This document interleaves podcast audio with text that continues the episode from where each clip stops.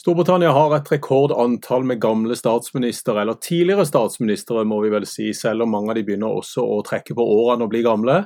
Så har vi per dags dato syv eh, tidligere statsministre som har bodd i Downing Street. Noen veldig lenge, andre kortere. I dagens episode av Pod Britannia skal vi snakke om tidligere, statsminister, eh, eh, tidligere statsminister og deres funksjon etter de er gått av som statsministre. Hva gjør de nå, og hva har de gjort? Sammen med meg, Erik Mustad, har jeg Øyvind Brattberg og Trine Andersen. Velkommen til denne episoden av Pod Britannia. We shall never surrender.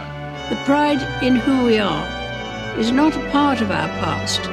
It defines our present and our future. The people of Scotland have spoken. England, Scotland, Wales, Northern Ireland, together, taking us forward, unleashing the potential of the whole country. Order! Ja, Erik, vi har jo kalt denne, denne episoden for en minibuss med statsministre. Og det er jo fordi, som du sier, så er det altså sju tidligere statsministre nå. Så hvis de skal ha et møte nå, så trenger de litt mer enn en vanlig personbil. De må tilkalle en minibuss. Men det jeg lurer litt på, hvis vi kan begynne der, det er hva betyr dette for Rishi Sunak, den sittende statsministeren, at han har så mange av sine forgjengere som kanskje som blander seg litt inn i politikken, kommer med kritikk. Det er jo, de fleste av dette er jo tidligere, eller er jo, er jo hans partifeller. Og, og, noen av de er jo ganske tøffe i kritikken av ham. Ja, de aller fleste er jo konservative statsministre. og eh, de er jo da fra David Cameron og, og fremover, fordi at de konservative har styrt siden 2010, da Cameron um, sammen med Nick Clegg og Liberaldemokratene danna en um, koalisjonsregjering for, uh, for, 13 år siden. Og siden har jo ikke Labour vært i, uh, i Eh, ved makten. Så, så, det er jo først og fremst konservative statsministre. Og, og, noen av de har jo vært aktive eh, både i Underhuset, vært aktive ute i media.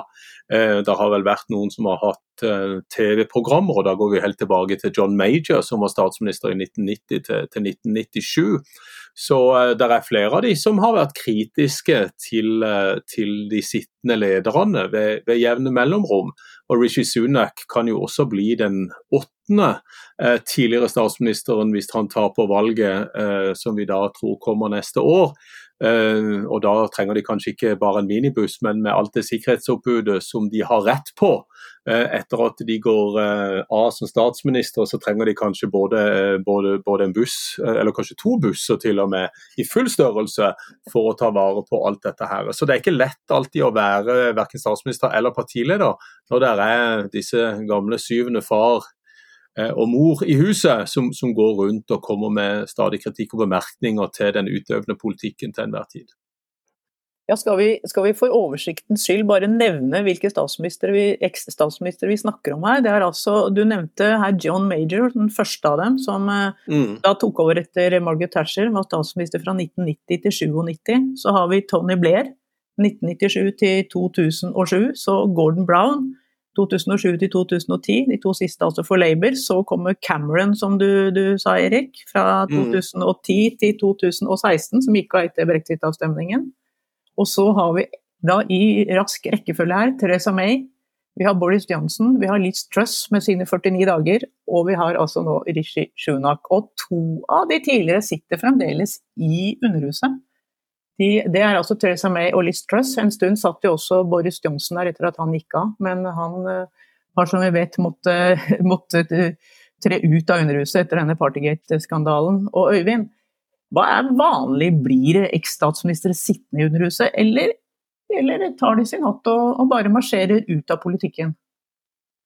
Her er det jo ulike praksiser uh, ute og går. Konvensjonen tidligere har jo vært at at en utgående statsminister blir sittende som eh, menig parlamentsmedlem, i alle fall frem til, til neste valg. Eh, og, og, tidligere så har de jo gjerne blitt sittende lenger enn en som så også. De, eh, de, to som var forut for, for Thatcher, Harold Wilson og, og Jim Callahan fra, fra, Labour, de ble sittende ut på, på 80-tallet, begge to, som vanlige, vanlige parlamentsmedlemmer. Thatcher selv ble jo felt i egen regjering, og så gikk hun av ved valget som fulgte to år etterpå. Og da ble hun liksom som en, en Etter hvert fra House of Lords så ble hun en, en, altså en innflytelsesrik aktør, men vel så mye en som kommenterte sin etterfølger og forsøkte å, å på en måte trekke litt i trådene i kulissene, i hvert fall påvirke gjennom sin eh, autoritet. Men etter hvert var hun da altså ikke en del av, av parlamentets egen, eh, egen virksomhet, uh, kan du si. Uh, Tony Blair var vel den første på, på lang tid som, som selv valgte å, å, gå ut av parlamentet nokså umiddelbart etter at han gikk av som, som, statsminister. og Da var vi midt i en valgperiode. og Da har de jo en, en ganske bisarr ordning, det at du kan utnevnes til ett av to sånne fiktive embeter, betalte embeter, som, som, diskvalifiserer deg fra å være eh, parlamentsmedlem. Eh, og Det er jo sånne rene seremonielle eh, Man kan bli bailiff of Chilton Hundreds, som vel var det de brukte på, på Tony Blair, som er et, et helt fiktivt embete, men som muliggjør at man kan trekke seg som folkevalgt uten å vente til neste valg. Så Det gjorde Blair eh, den gangen. Eh, Cameron gjorde det samme, Eh, mens Gordon Brown for eksempel, han tapte jo valget i 2010 men ble da, og gikk av som statsminister, men ble sittende som vanlig parlamentsmedlem for sin krets i, i i, i, Skottland i en valgperiode før han, før han um, trakk seg da og, og, lot en etterfølger bli nominert. og Da var det et valgskred som fulgte for øvrig, så det kunne gått gærent for Gordon Brown også. Men uansett, han hadde da selv valgt å, å sitte som parlamentsmedlem perioden ut før han, før han forsvant. Så her er det ulike praksiser, men det er vel ganske typisk kanskje at, at, Blair og Cameron, som begge to var ganske raske i vendingen og begge to nokså lite opptatt av den rollen som parlamentsmedlem, de valgte snarveien ut, mens andre litt mer sånne gamle Westminster-lojalister, de, de, har valgt å fortsette livet på de bakre benker, istedenfor å ta en sånn snarvei ut av, av toppolitikken. Og Her er Theresa May et, et, helt opplagt eksempel. Hun synes jo trives veldig godt hun, i, som vanlig parlamentsmedlem og, og del av måte, den løpende debatten, uten lenger å ha det, det tunge vervet som, som, statsminister.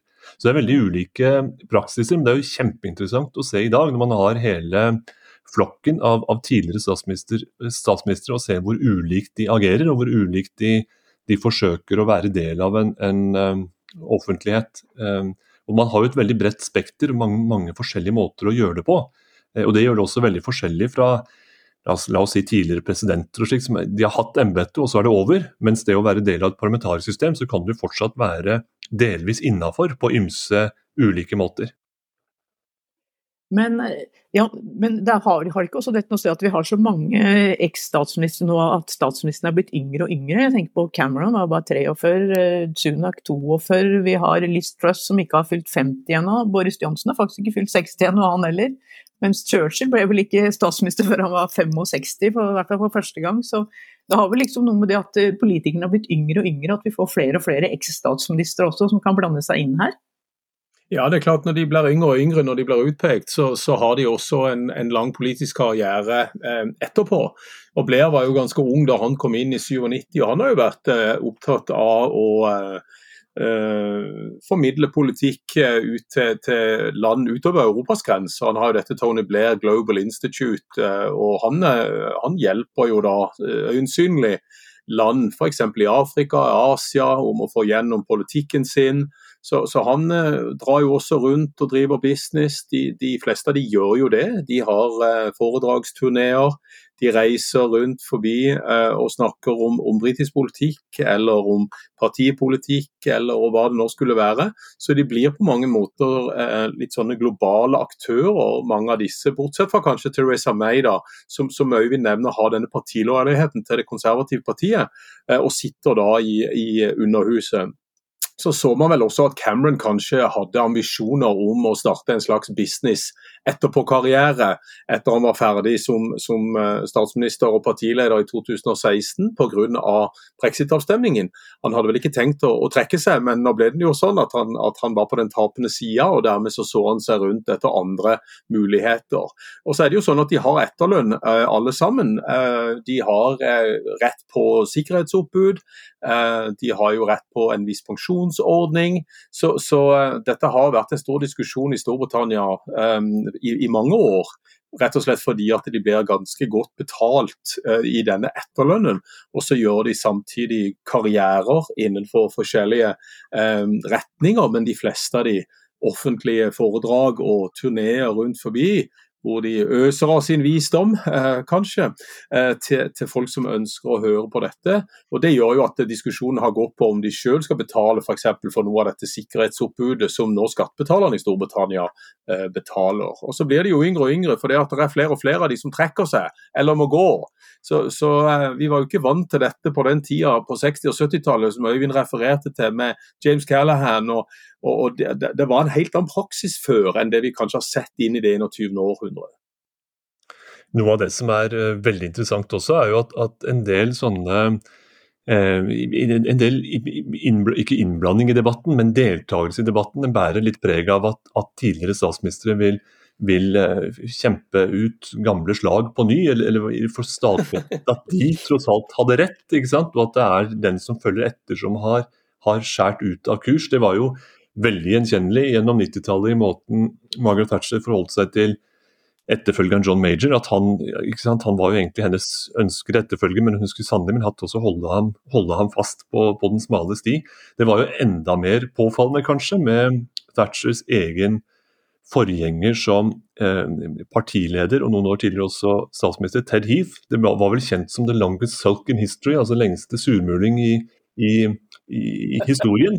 Hvordan han, han, eh, aldri forsonte seg med at hun ble hans eh, etterfølger, og hun førte en politikk som han var intenst eh, uenig i.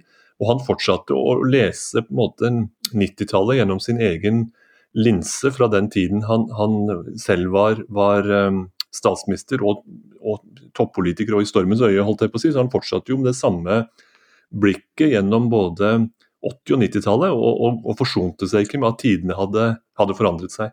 Og Det er jo noe av utfordringen, det med at man har vært veldig sentral og veldig intenst til stede i, i, i politikkutøvelse, og så trer man tilbake og insisterer på at man fortsatt har rett, og at det er de andre som har tatt feil. Eh, og Da er det et spørsmål hvor lenge kan man holde på med det før man må oppdatere analysen. I dag står jo Liz Truss overfor litt av det samme, bare i mye mer hva skal man si, kompakt eh, format. Det er jo innmari kort tid siden eh, fjoråret og hennes, eh, hennes periode i, i, i, Downing Street. Men også der så møter man en, en sånn utfordring. Skal hun forsone seg med at, at dette gikk riktig gærent, og, og eventuelt forsøke å, å, å, tolke ting på ny og komme tilbake på den måten, eller skal hun slå fast at, eller stå fast på at det var hun som hadde taket på det, det var de andre som ødela. Hvis man, holder, hvis man skal holde seg med den tolkninga, så må man ja, være veldig standhaftig, må man etter hvert også eh, kunne overbevise folk på ny. fordi man, man, kan ikke spille ut de gamle slagene på ny uten videre og, og, og tro at resultatet vil bli annerledes. Jeg tror ikke at Liz kommer til å endre noe som helst eh, på politikken sin. Hun hadde jo et skikkelig show på, på de konservatives landsmøte og tok litt luven av eh, oppmerksomheten fra Rishi Sunak. Så det er jo noen som mener at hun er ganske skamløs. Hun snakker jo nå om å presentere et eh, alternativt budsjett og i det hele tatt. Hun gir seg jo ikke med, med politikken sin. Så hvor mye trøbbel kan hun egentlig skape for, eh, for Rishi Sunak, tror dere? Ja, hvor mye trøbbel kan man, kan man, skape? Det er jo veldig situasjonsavhengig. Én ting handler jo om man har um, om man har en autoritet og om man har følgere en måte som lytter til en. Eh, mens Boris Johnson og statsminister, så, ble, så var, jo, var det spørsmål om hvem er det egentlig kritikerne samles om. Det kan være en autoritet fra fortiden, men det kan også være en, en som er aktuell for å komme tilbake i rollen. og Der vil vel kanskje Liz Truss ønske seg at hun er. At den dagen Sunak må, må legge inn årene, så skal hun igjen stå, stå, klar. og Da blir det jo en litt annen type, type trussel også, men det er jo veldig veldig uvanlig. Jeg kan ikke komme på noe eksempel. Kanskje kan du, Erik. Eh, sist gang en statsminister som er vippet ut av, av lederrollen i eget parti, kommer tilbake eh, på, på, på, på, toppen, altså i den fremste rollen av dem alle. Da, da skal man ha en veldig spesiell situasjon, skal man ikke? Jo, og jeg kan ikke komme på noen heller etter krigen eh, som, som har, har, gjort dette. og Det er vel ikke noe grunn til å tro at Liz Truss vil få den plattformen igjen, selv om hun prøver å skape seg den med å, å eh, både på landsmøtet tiltrekke seg oppmerksomhet rundt uh, sine egne skatteletter igjen. Og, og Trusonomics, uh, som, som, den, den politikken oss ble omtalt uh, som, minner jo litt kanskje om noe av det som du Øyvind var inne på i forhold til Margaret Thatcher og John Major i, i sin tid at uh, man har disse fanesakene som man ønsker fortsatt å vise er de riktige politiske kampene. Og Så må vi også huske at Liz Truss slo Rishi Sunak i denne lederskapskampen eller lederstriden i det konservative partiet. Så på mange måter så virker det som at hun føler at hun har en rett til å faktisk ha muligheten til å komme tilbake igjen. kanskje det er grunnen til at hun ønsker å, å utvide denne plattformen uh, hun står på uh, for øyeblikket, med å hele tida påpeke at uh, hun hadde rett, eller den medisinen hun hadde skrevet ut for, for, nasjonen, var den riktige. Så um, Det er alltid vanskelig å spå om framtida, men, men sånn som det ligger an nå, så har jo også Rishi Sunak akkurat begynt på sin politiske karriere. Han kom inn i parlamentet i 2015 og har jo en, en, kort karriere bak seg før han ble partileder og, og, statsminister. I gamle dager, så, hvis vi skal kalle det det, så var det, var det litt kanskje lengre perioder de satt som, som uh, underhusmedlemmer før de ble partiledere. Uh, så hvis nå Sunak taper valget med det konservative partiet til, til, og må gi over makten til, til Keir Starmer og Labour, Eh, ved neste valg, som da antagelig kommer til neste år, så eh, må vi jo forvente at Sunak kanskje blir sittende som konservativ leder, hvis ikke det går fryktelig galt.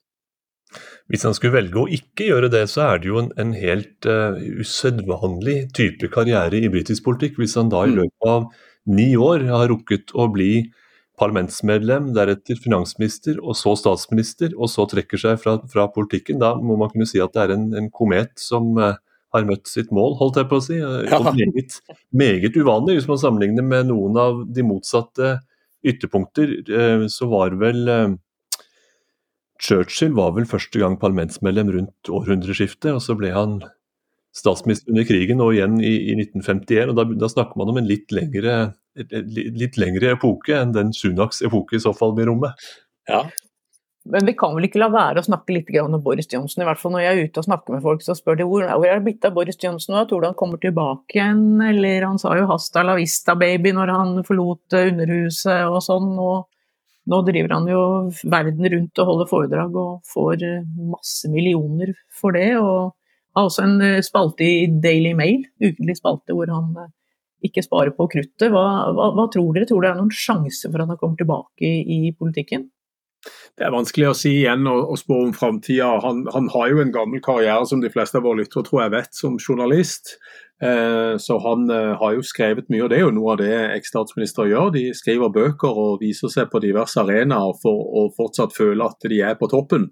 Og at de eh, føler selv at de har mye å bidra med. Og så, så, pleier vi ofte å si at eh, den vanskeligste av alle innsikter er selvinnsikten. Så det er ikke alltid kanskje det de har å bidra med er verdifullt, eh, verken for partiet eller, eller, for nasjonen.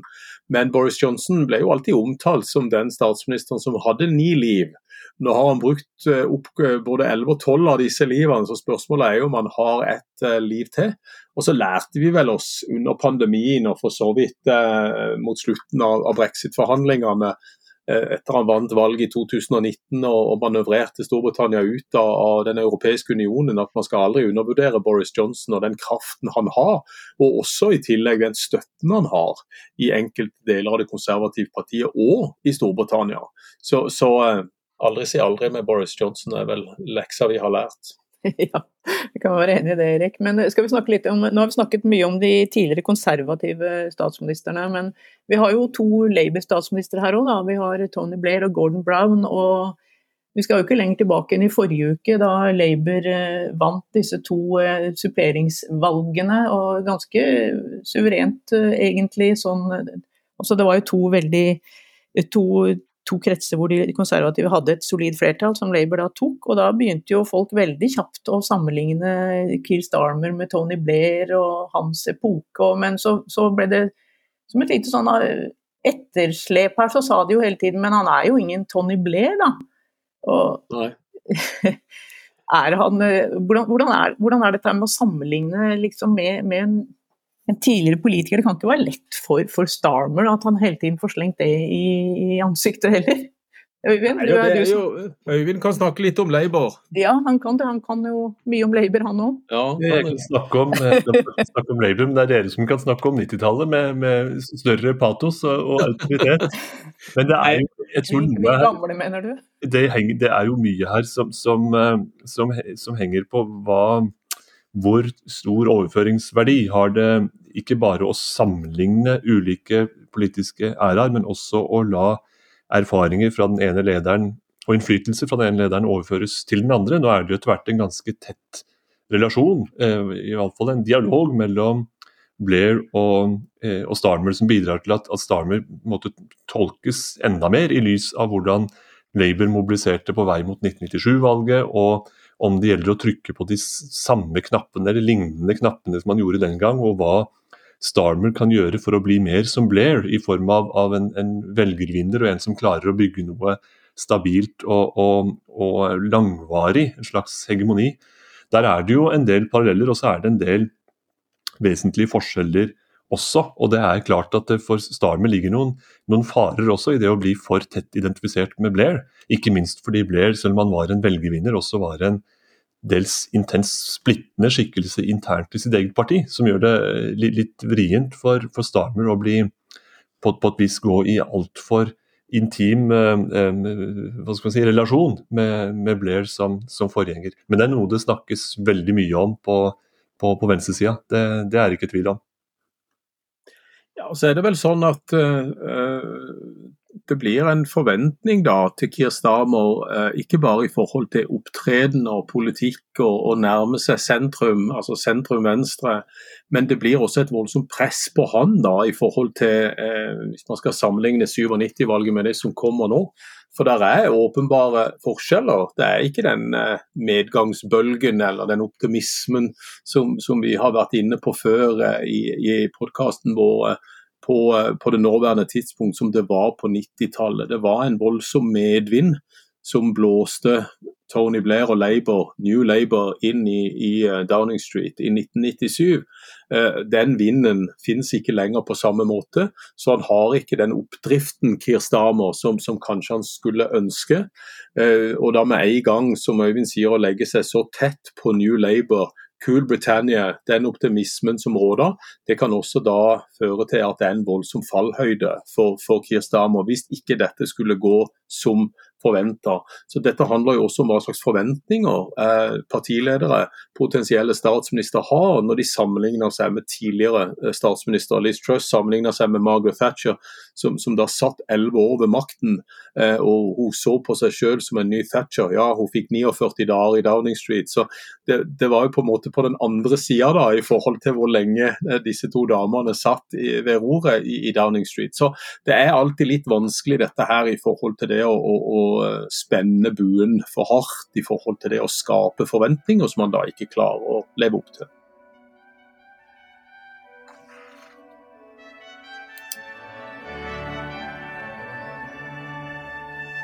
We shall never surrender. The pride in who we are is not a part of our past. It defines our present and our future. The people of Scotland have spoken. England, Scotland, Wales, Northern Ireland, together taking us forward, unleashing the potential of the whole country. Order!